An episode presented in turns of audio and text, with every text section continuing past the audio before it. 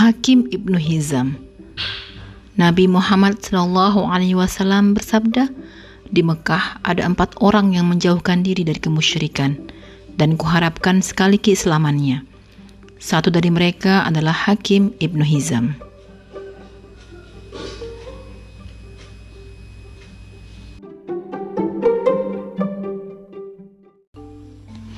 Kenalkah Anda dengan sahabat yang satu ini?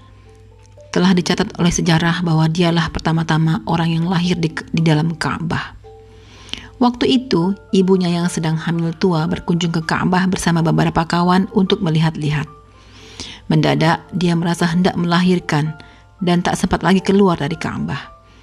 Seorang mengambilkan sehelai kulit untuk menaruh bayi yang baru dilahirkannya. Bayi tersebut tak lain adalah Hakim Ibnu Hizam, putra dari saudara Ummul Mukminin Khadijah binti Khuwailid. Hakim Ibnu Hizam tumbuh di dalam sebuah keluarga yang terhormat dan kaya raya.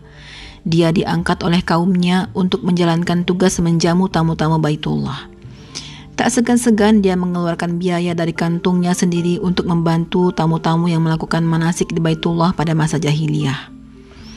Sebelum bi'thah atau tahun kenabian, Hakim adalah kawan baik Rasulullah walaupun usianya lima tahun di atas Nabi Shallallahu Alaihi Wasallam.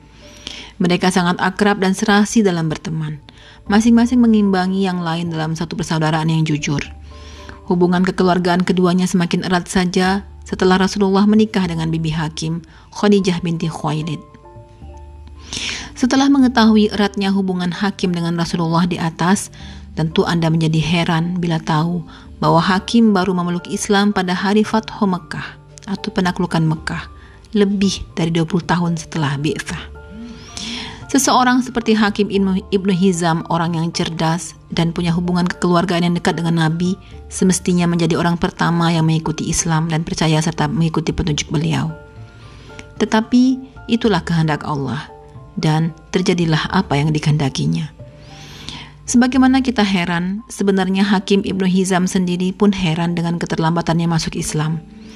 Setelah menjadi muslimin dan merasakan manisnya iman, dia selalu menyesali umur yang dia sia-siakan dalam kemusyrikan. Sering terlihat dia menangis seorang diri sehingga putranya bertanya, apa sesungguhnya ayah tangisi? Dia menjawab, banyak hal, semuanya membuatku sedih. Yang utama adalah keterlambatan masuk Islam sehingga aku tertinggal dalam banyak kebaikan. Seandainya aku tebus dengan segunung emas pun aku tak mampu menebus ketertinggalanku. Allah menyelamatkanku pada perang Badar dan perang Uhud. Saat itu aku berkata pada diri sendiri, aku tidak akan membela Quraisy melawan Rasulullah lagi. Aku akan keluar dari Mekah saja. Tetapi aku tetap saja tertarik untuk membela Quraisy. Setiap ingin memeluk Islam, aku selalu melihat sisa-sisa tetua Quraisy yang fanatik terhadap tradisi jahiliyah mereka. Kemudian ikuti mereka memerangi Islam. Yang membuat kita binasa adalah kalau mengikuti ayah-ayah, kakek-kakek, dan sesepuh kita – bagaimana aku tidak menangisinya? Sebagaimana kita heran terhadap riwayat keislaman Hakim Ibnu Hizam, sebagaimana Hakim heran terhadap dirinya sendiri. Rasulullah pun heran bagaimana mungkin orang sebijak Hakim Ibnu Hizam bisa terhalang dari Islam sedemikian. Padahal Rasulullah ingin sekali orang-orang semacam dia bersegera masuk ke dalam agama Allah.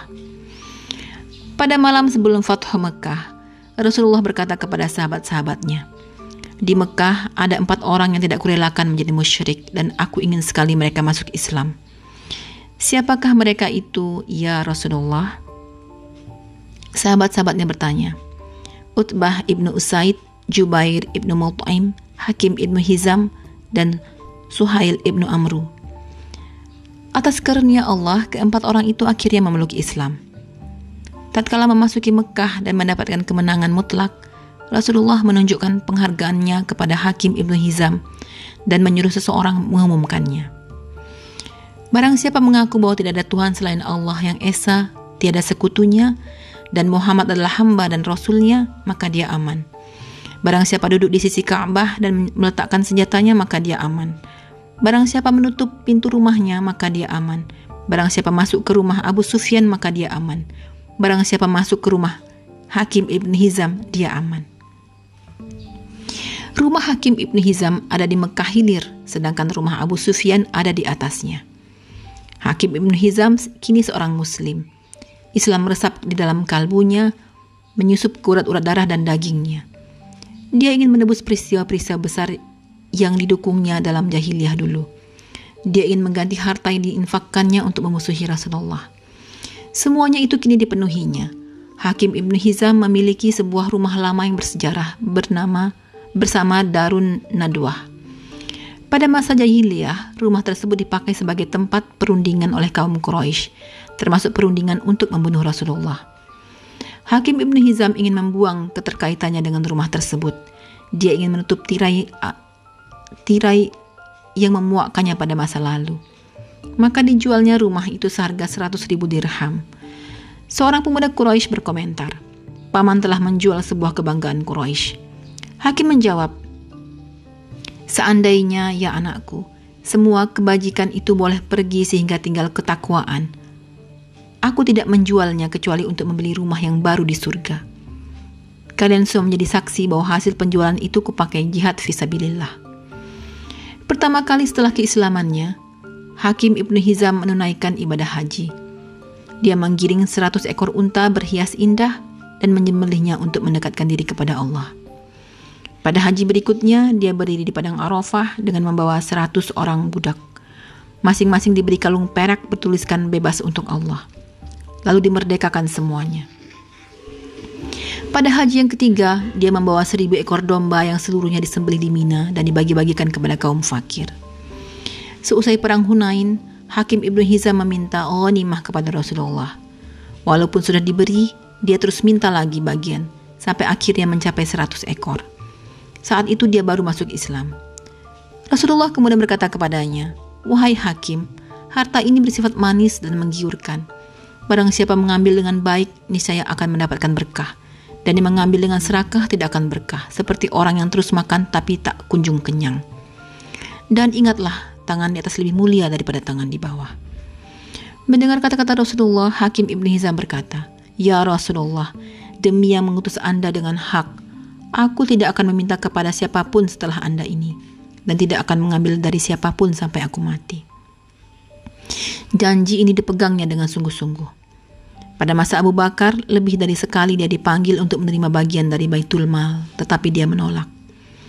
Demikian pula ketika khalifah berada di tangan Umar ibn Khattab, berkali-kali dia dipanggil untuk menerima bagiannya, tapi tak sepeser pun diambilnya.